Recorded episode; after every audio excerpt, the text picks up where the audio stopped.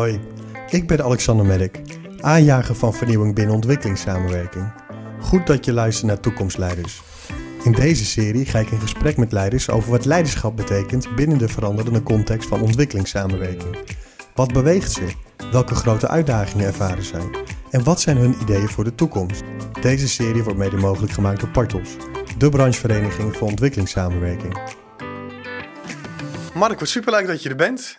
Dankjewel. We hebben de afgelopen jaren natuurlijk al veel samengewerkt. Toen ik uh, een collega was bij het AIDS-fonds. En nu in een andere hoedanigheid. Klopt. Nee, leuk om je te zien en leuk om hier het onderdeel van deze podcastserie te, te mogen zijn. Ja, ja. Kan je eens over jezelf vertellen, Mark? Wie is Mark en uh, waar kom je vandaan? Wat is je achtergrond? Uh, nou, ik ben Mark Vermeulen. Ik ben uh, directeur van AIDS-fonds Zo AIDS Nederland. Dat ben ik nu vier jaar.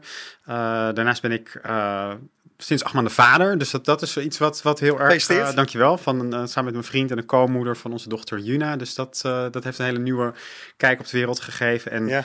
mijn achtergrond zit in politicologie. Ik heb ooit internationale betrekkingen gestudeerd in Amsterdam. Toen een paar jaar bij de Partij van de Arbeid gewerkt. Ook voor UNIP gewerkt. Dus altijd wel een beetje in, in deze hoek. En in 2009 ben ik bij, bij AIDS-fonds begonnen. Oké. En kan je iets meer vertellen over hoe je bij AIDS terecht bent gekomen? Ja, dat was voor mij een hele persoonlijke reden. Ik had in, uh, ik ben in 2000, uh, of 1997 in Amsterdam gaan studeren. Uh, toen ook uit de kast gekomen als homo en altijd heel erg opgevoed en opgeleid in de jaren 90 met, met Ben Voorzichtig.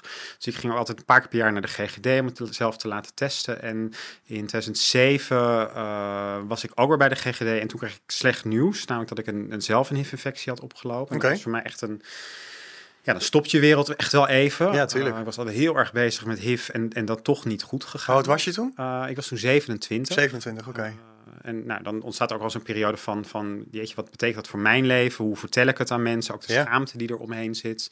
Ook hoe vertel ik het mijn ouders? En uiteindelijk na een jaar dat wel een plek gegeven. En ook, ook geluk gehad, denk ik, dat mensen in mijn omgeving daar ook allemaal heel goed op reageerden. Uh, en voor mij was het natuurlijk ook geen doodsvonnis meer in 2007, dat wist mm. ik ook. Uh, maar ik wilde er toen ook wel heel graag iets mee doen. Yeah. Omdat ik me realiseerde dat dat voor mij geen doodsvonnis meer was. Vanwege de generatie die voor mij heel erg had geknokt voor, voor die überhaupt onderzoeken en toegang tot medicijnen. Uh, en ik me ook heel erg realiseerde dat het voor mij met HIV in Nederland op dat moment goed te leven was, maar wereldwijd totaal niet. Ja. Uh, en toen heb ik gewoon bij AIDS aangebeld. En toen hadden ze en gesolliciteerd op een vacature die er was voor lobbyist. En dat, dat leek me eigenlijk niet echt wat. En ik denk, lobbyist, dan ben je heel de tijd aan het borrelen. En, maar dat was de functie die er was. En omdat ik bij de PvdA had gewerkt, denk ik dat ik daarvoor in aanmerking kwam. En, dat en je wilde echt naar de AIDS toe? Of? Ja, nou, ik wilde iets met HIV en AIDS. En in Nederland ja. was dat voor mij wel echt, echt AIDS. Want ze Stop AIDS Now natuurlijk ja. ook nog. Um, en toen daar in 2009 begon als lobbyist en nu, uh, dus ja, 14 jaar, bijna 14 jaar later, nog steeds daar werkzaam. Verschillende dingen gedaan al die jaren en nu uh, vier jaar als directeur. Ja, ja, ja. mooi indrukwekkend verhaal ook, uh, Mark. En, en als je kijkt naar de tijd toen, hè, de situatie in Nederland omtrent acceptatie van, van HIV. En als je dat vergelijkt met nu, zie je dan ook een verschil in die 14 jaar? Ja, ik denk dat er zijn heel veel doorbraken geweest natuurlijk. Uh, we weten nu dat als je goed op behandeling bent met HIV, dat je het virus niet meer kan overdragen. Dus dat is een ja. ontzettende bevrijding geweest voor mensen met HIV, voor mijzelf ook. Niet altijd meer afhankelijk van dat condoom. Uh, en daardoor is de angst ook wel iets minder geworden. We hebben mm -hmm. natuurlijk de, de HIV-preventiepil PrEP. Dus als je geen HIV hebt, neem je één keer per dag die pil en daarmee kan je geen HIV oplopen. Dus okay. die echte angst is eraf. Maar we zien ook dat, uh, dat het stigma juist in de zorg bijvoorbeeld toeneemt. Uh, dus dat in de zorg, als er dan iemand met HIV komt, mensen met HIV worden ouder, krijgen ook andere soorten zorg. En dat er dan nog heel erg wordt gereageerd met oeh, oh, dat meen je, oké. Okay. Meneer is bekend met HIV. Ja. Um, dus ons werk ook in Nederland, veel van ons werk is internationaal ja. Uh, inmiddels. Maar ons werk in Nederland is zeker ook nog niet klaar wat dat betreft. Mm -hmm, nee. mm -hmm. Oké, okay, dus daar gaan we zo meteen over verder praten, over het werk in Nederland ja. en internationaal. Um, even weer terug naar, uh, naar Mark. Um, Um, gekeken naar je verleden of gekeken eigenlijk op dit moment naar de personen met wie je samenwerkt, organisaties om je heen. Zijn er bepaalde personen, organisaties uh, die je op dit moment inspireren om, uh, om je werk te doen?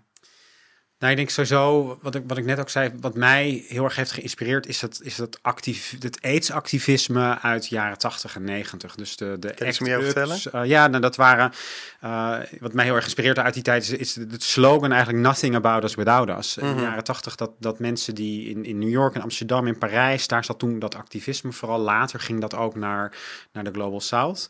Maar mensen die als patiënt werden gezien en die zeiden, ja, ik ben niet een patiënt. Op het moment Mhm. dat ik ziek ben, ben ik nog steeds mens. En ik heb rechten en ik wil dat die medicijnen beschikbaar komen. En bijvoorbeeld in de VS activisme die eh, de FDA, dus de instantie die medicijnen moet goedkeuren, die deden heel lang over dat proces. Ja. Eh, en dat de- daar gewoon bezettingen gingen doen. En media heel slim organiseerden. En dus eh, echt het, het model doorbraken van als je ziek bent, ben je patiënt. En dan krijg je een witte jas aan en dan moet je op je beurt wachten. Mhm. Maar wij zijn nog steeds mensen. En als het over ons gaat, dan moet je het met ons doen. En dat Ja. zit echt in het DNA van de aidsbestrijding. Nothing about us without us. Ehm, en dat is nog steeds relevant, denk ik, ook op het Ja. gebied voor, voor ontwikkelingssamenwerking. Eh, Komt die slogan daar ook vandaan? ja, ja, dat is een... een Oh, echt? Oké. ACT UP is de Nothing About Us Ja, Without maar Us. dat wordt nu overal gebruikt natuurlijk. Ja, eh, hè? ja, dus dat, dat Ja. komt uit de, uit de HIV-respons. Oké. En wat ik, en als je dan vraagt naar wie of wat, wat ik juist daar heel inspirerend aan vind, is dat dat, dat waren gewoon mensen die hun vrienden verloren aan aids. Dat Ja. waren verpleegkundigen die alleen maar jonge mannen zagen sterven. Ehm, dat, dat, was niet per se, dat was niet per se één iemand. Er zaten natuurlijk wel hele charismatische mensen tussen. Maar ik vind juist het inspirerend dat het een hele brede beweging van hele verschillende mensen waren. Die gewoon zeiden, dit pikken we niet. Mhm. Eh, er moet iets veranderen. En gewoon aan de slag gingen, aan de keukentafel en zich gingen organiseren. Eh, en natuurlijk zitten we nu in een hele andere tijd. En dat activisme zien we nog wel op heel veel plekken waar we werken. Ehm, maar ja, dat, dat vind ik ontzettend inspirerend. Ja. En hoe probeer jij dat activisme eigenlijk nu op dit moment eh, eh, handen en voeten te geven? Nou, ik denk door. Ik zou zeker niet zeggen. Kijk, in Nederland hebben we dat activisme nooit echt gehad op die manier. Want in Mhm. Nederland was, er, was het eigenlijk al wel gelijk een goede samenwerking met de overheid. Dus ik zou echt niet willen zeggen dat ik AIDS-fonds nou echt als een super activistische club zie. Tegelijkertijd proberen wij op onze manier wel activistisch te zijn. Eh, en ik denk wat we ook proberen te doen is activisten te ondersteunen. Dus eh, wij werken in 15 landen wereldwijd. Eh, ongeveer 80% van ons werk is internationaal. En wij werken eigenlijk altijd met zelforganisaties van jongeren, van sekswerkers, van homomannen, van mensen met HIV. Lokale organisaties, bewegingen en... Ja, en lokale zelforganisaties. Dus, Ja. niet, niet, dus echt community-led organisaties. Mensen die zichzelf zijn gaan organiseren. Dus eigenlijk datzelfde verhaal van de jaren Mhm. 80, 90 in, in New York op andere plekken. Ja. Mensen die zichzelf zijn gaan organiseren. Vaak clubs die, waarvan andere donoren nog zeggen... ja, dat is wel lastig om dat te vinden, want ze hebben niet dit of ze kunnen nog niet dat. Ja. Uh, dus ik denk een van de dingen die, die ik, die wij proberen Ja. te doen, is, is dat activisme daar mogelijk te maken waar het nu ook nog nodig is. En volgens mij is AIDS-fonds ook zo ontstaan. Klopt dat? Ja, en AIDS-fonds in de- onze eh, geschiedenis is eigenlijk dat in 1985, eh, ook in Nederland natuurlijk, heel veel mannen, vooral mannen toen nog eh, overleden aan de gevolgen van AIDS. En een groep homomannen toen iets wilde doen rondom kerst, eh, om, om iets te kunnen betekenen, geld inzamelde en er bleef geld over. Ja. En ja, daar moet je dan wat mee. Dus toen is er een fonds opgericht, AIDS-fonds, uh, in 1985. En dat, uh, ja, dat is onze ontstaansgeschiedenis eigenlijk. Uh, en van daaruit ja, zijn we gewoon die AIDS-respons en de HIV-respons gaan, gaan vormgeven en daar onderdeel van geworden. Ja, ja. En je vertelde er net al iets over, hè? een beetje de, de unieke propositie van AIDS-fonds.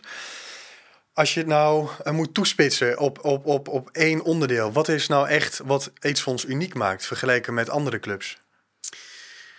Ja, ik denk, ik, iedereen voelt zichzelf natuurlijk uniek. Ik denk waar, waar ik, wat ik zie en waar ik trots ja. op ben, uh, is dat het voelt heel erg alsof wij één beweging zijn. We zijn niet. Ik leef met HIV, zo leven er nog 38 miljoen mensen met HIV. En samen met al die mensen kijken we naar wat er nodig is. Um, en of dat nou op het gebied van genezing is, of het gebied van mensenrechten is, op het gebied van veilige en, en lekkere seks. Dat is wat we met elkaar doen. Uh, en zo hebben we ons als AIDS-fonds eigenlijk ontwikkeld door de jaren heen. Van ja. het begin wetenschappelijk onderzoek vooral financieren. doen we nu nog steeds voor een deel. Naar nu veel meer kijken van, hè, die medicijnen zijn er. Je weet hoe je je kunt laten testen. Maar mensen die geen toegang hebben, zijn vaak mensen die om hele andere redenen worden uitgesloten. Mm -hmm. die groep, hè, homo mannen, sekswerkers, ja. druggebruikers. Ja. Dus het de problemen, dilemma, het obstakel is nu vaak mensenrechten en uitsluiting. Dus daar richten wij ons nu op. Dus ik hoop ook dat wij onszelf op een gegeven moment kunnen opheffen. Wij, wij zijn echt. Ja, gaat het heel... gebeuren binnen uh, ons, uh, ons leven, denk je? Nou, in, in Nederland gaat het heel goed. Dus in Nederland ja? zijn we echt op weg om het eerste land met nul nieuwe HIV-infecties okay. te worden. En dat, ja. dat ook echt binnen een aantal jaar, denk mm -hmm. ik. Um, en wereldwijd uh, zien we aan de ene kant dat het goed gaat. Meer mensen dan ooit op behandeling. Ik denk dat we daar echt ook vanuit Nederland heel trots op mogen zijn. Wereldwijd zijn 25 miljoen mensen met HIV op behandeling. Dat is, dat is echt een ongekend succes in, in de internationale gezondheidszorg. Uh, en tegelijkertijd zien we in 45 landen het aantal HIV-infecties ook stijgen op dit moment. Okay. Uh, maar dat zit op dat snijvlak Mhm. van uitsluiting en ongelijkheid. Dus het voelt soms ook of het lastigste stuk nu Ja, aan het komen ja, is. ja. Maar ik denk dat we alle middelen in handen hebben dat jij en ik dat zeker nog gaan meemaken. Ja. Dus eigenlijk ehm, ehm, krijgen jullie waarschijnlijk een kleinere rol in Nederland en een grotere rol internationaal. Ja, en dat, Klopt dat dat? is eigenlijk nu al ontstaan. We zijn echt, en, en dat is wat ik zeg, we zijn gewoon, en misschien is dat uniek, dat weet ik niet, maar meegegroeid met waar dat werk nodig is. Mhm. En, eh, ik denk dat nu 80% van ons werk eh, internationaal plaatsvindt. Maar waar we juist ook kijken naar wat, wat hebben we in Nederland geleerd, bijvoorbeeld met eh een- Sense.nl. Dat geven wij ook vorm samen met Rutgers in Nederland. Daar, maken 3 miljoen jongeren in Nederland Dat is een online platform. online platform voor seksuele vorming. Oké, Met al ja. je vragen als je 14 bent over seks en lekkere seks en hoe werkt het. En dat hebben we nu uitgerold eh, samen met lokale partners in Zuid-Afrika, in Kenia. Dus we brengen die kennis van Nederland daarheen. Maar als het gaat om, om werken met sekswerkers bijvoorbeeld, hebben we heel veel geleerd in dat internationale werk. En dat Mhm, brengen we nu mhm. naar Nederland. Eh, en hebben nu een samenwerking met het ministerie van, van Veiligheid en Justitie om in Nederland de positie van sekswerkers te bestendigen. Op Ja. basis van wat we internationaal hebben geleerd. Ja, Dus er zit ja. echt een kruisbestuiving in dat werk wat we doen Ja. eh, vanuit Nederland internationaal en omgekeerd. Ja, ja, ik denk dat dat wel een, eh, ook iets unieks is aan de AIDS-fonds. Hè? Dat jullie zowel in Nederland als internationaal actief zijn. Nou en daar we ook eh, zitten een beetje op het snijvlak van, want we zitten hier bij Partos natuurlijk, dus op Ja. ontwikkelingssamenwerking. Wij zijn ook een gezondheidsfonds, dus Ja. zitten ook bij de Samenwerking Gezondheidsfonds. En dan zit je met de. Nierstichting, het Longfonds. Eh, en daar heb ik ook wel eens het gesprek van, ja, KNCV werkt ook internationaal. Maar heel veel gezondheidsfondsen in Nederland werken vooral in Nederland. Nederland, ja. En financieren Nederlandse wetenschappers om Ja. in Nederland onderzoek te doen. Nou, dat is hartstikke mooi en ook heel belangrijk. Uh, en die problematiek is in Nederland vaak ook nog veel groter dan HIV. En tegelijkertijd zijn er natuurlijk, is wereldwijd die, die problematiek heel groot. Dus ik denk Ja. dat er ook echt iets ligt voor Nederlandse gezondheidsfondsen om ook over de grens te kijken. Ja. En ook te kijken naar wat is er nodig. En dat is niet zozeer maar dat maakt de HIV-respons denk ik wel uniek. Dat Uniek, we vanaf ja. het begin hebben gekeken. Het gaat niet alleen om mensen in, in rijke landen. Hoe krijg je die op behandeling? Hoe krijgen we nou iedereen met HIV op behandeling? Ja. Oké, nou veel eh, mooie ontwikkelingen, ook grote uitdagingen voor de boeg. Uh, spreken over uitdagingen, gekeken naar AIDS-fonds. Uh, wat zou jij typeren als de grootste uitdaging of uitdagingen waar jullie momenteel mee, uh, mee worstelen? Nou, ik, ik, denk dat er een aantal zijn we ook, het komen al voorbij. Ik denk voor ons is gewoon een probleem de urgentie te bewaren. Dus Mhm. in, in Nederland hebben mensen natuurlijk het beeld van, hé, maar het HIV kan je toch goed leven. En dat, dat is ook zo. En dat wil ook helemaal niet veranderen. Ja. Dus als je op tijd bij bent, klopt dat. Maar dat urgentiegevoel van, hé, wereldwijd overlijden er nog 650.000 mensen per jaar aan AIDS. Uh, dus daar zit voor ons een uitdaging. Um, en ik denk dat een, een grotere uitdaging, uh, maar die is veel breder, denk ik, uh, voor andere organisaties ook, is dat als je kijkt naar wat nou echt de kernoorzaak is, is, is het die uitsluiting? Is het het gebrek aan vrouwenrechten, aan, aan homorechten? Is het armoede? Uh, en aan de ene kant wil je dus niet alleen maar de symptomen bestrijden en wil je Mhm. mm -hmm. ook echt die kernoorzaken aanpakken.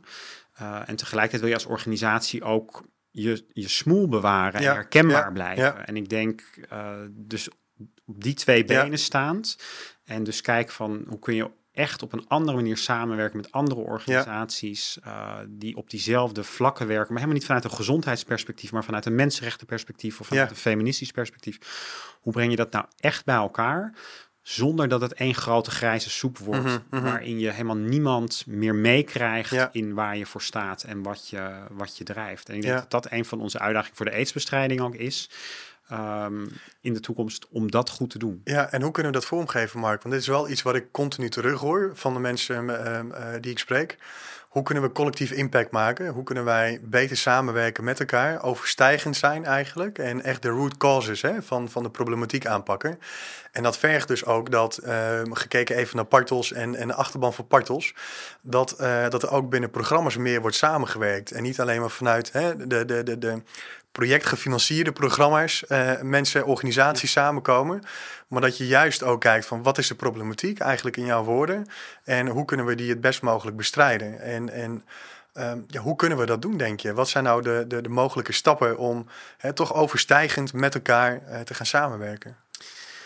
Nou ja, kijk, er zijn er altijd dat linken en leren en zo. Dat is allemaal heel belangrijk. Ja. Maar ik denk dat, dat, dat, dat je vooral moet kijken naar waar waar gebeurt het al? En ik denk dat het op bepaalde vlakken al gebeurt. Ik denk wat een inspirerend voorbeeld is vanuit die gezondheidsfondsen bijvoorbeeld, en dat is wel in Nederland, is dat we daar uh, allemaal, al die gezondheidsfondsen krijgen financiering vanuit de Nederlandse loterij, iedereen een paar ton.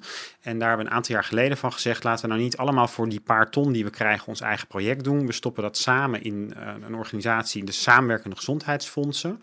Uh, dat is ontzettend gegroeid en daar is de politieke agenda Nederland uitgekomen, gezonde generatie 2040. Uh, en dat gaat omdat we een nieuwe generatie in Nederland laten opgroeien die seksueel gezond is, die mentaal gezond is, die qua uh, lichaams, alle facetten daarvan gezond is. Ja.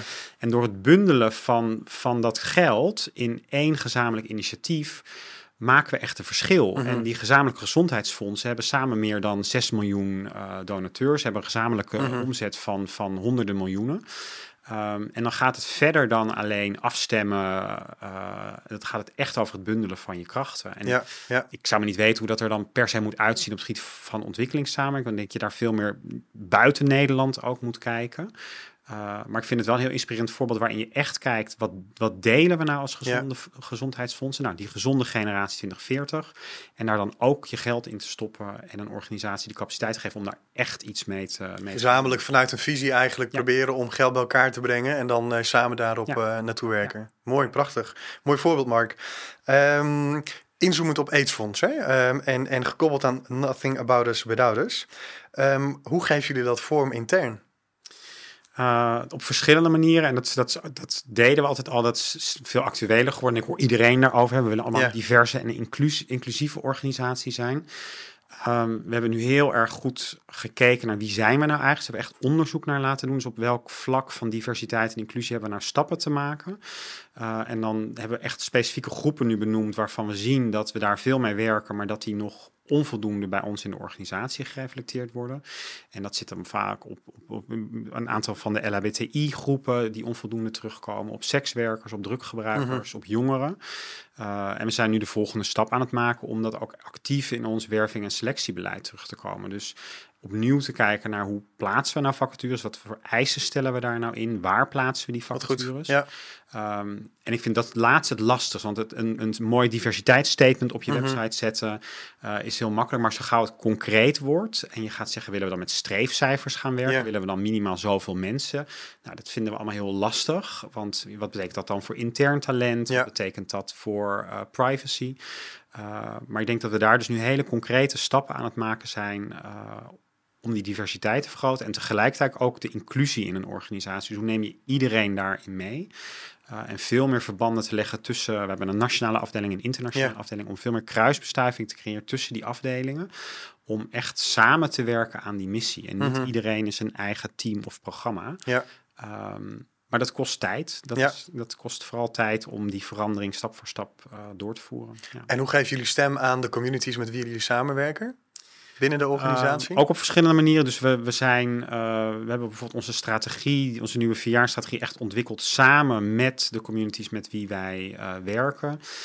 en daarin is de ambitie om over vier jaar echt op alle niveaus van onze besluitvorming communities te betrekken. in die besluitvorming, dus niet alleen voor advies, maar echt bij de besluitvorming. En dat Organisatorische besluitvorming eigenlijk. De mensen met wie je samenwerkt te besluiten. In, ja, dus dat zit op allerlei niveaus. Dus onze Raad van Toezicht hebben nu bijvoorbeeld twee nieuwe leden benoemd. Ja. Uh, een jonge activist uit Botswana, een oh, wetenschapper uit Kenia. Ja. Uh, we hebben in, dat is wel uniek. Ja, nou ik denk dat daar, ik, ik zie bijvoorbeeld een organisatie Mama daar ook heel erg op vooruit lopen. Maar ik denk dat voor ons is dat echt een, een stap. En het is practice what you preach. Uh, maar bijvoorbeeld ook met onze grantmaking. Voorheen uh, hadden we een partnerschap met Buitenlandse Zaken. Een van de strategische partnerschappen met, met allemaal Nederlandse organisaties. En dan allemaal subcontractors in, in al die landen. Wat dan allemaal community-led organisaties waren veelal. En daarin hebben we de stap nu gezet dat AIDS-fonds de penvoerder is. Uh, maar dat hele partnerschap uit verder nog zeven leden bestaat. En dat zijn lokale grantmakers, ook feministische grantmakers en lokale zelforganisaties. Dus die zitten nu op het bestuursniveau van die alliantie die we met buitenlandse zaken hebben, de Love Alliance. 67 miljoen voor vijf jaar, is echt, echt een substantieel programma.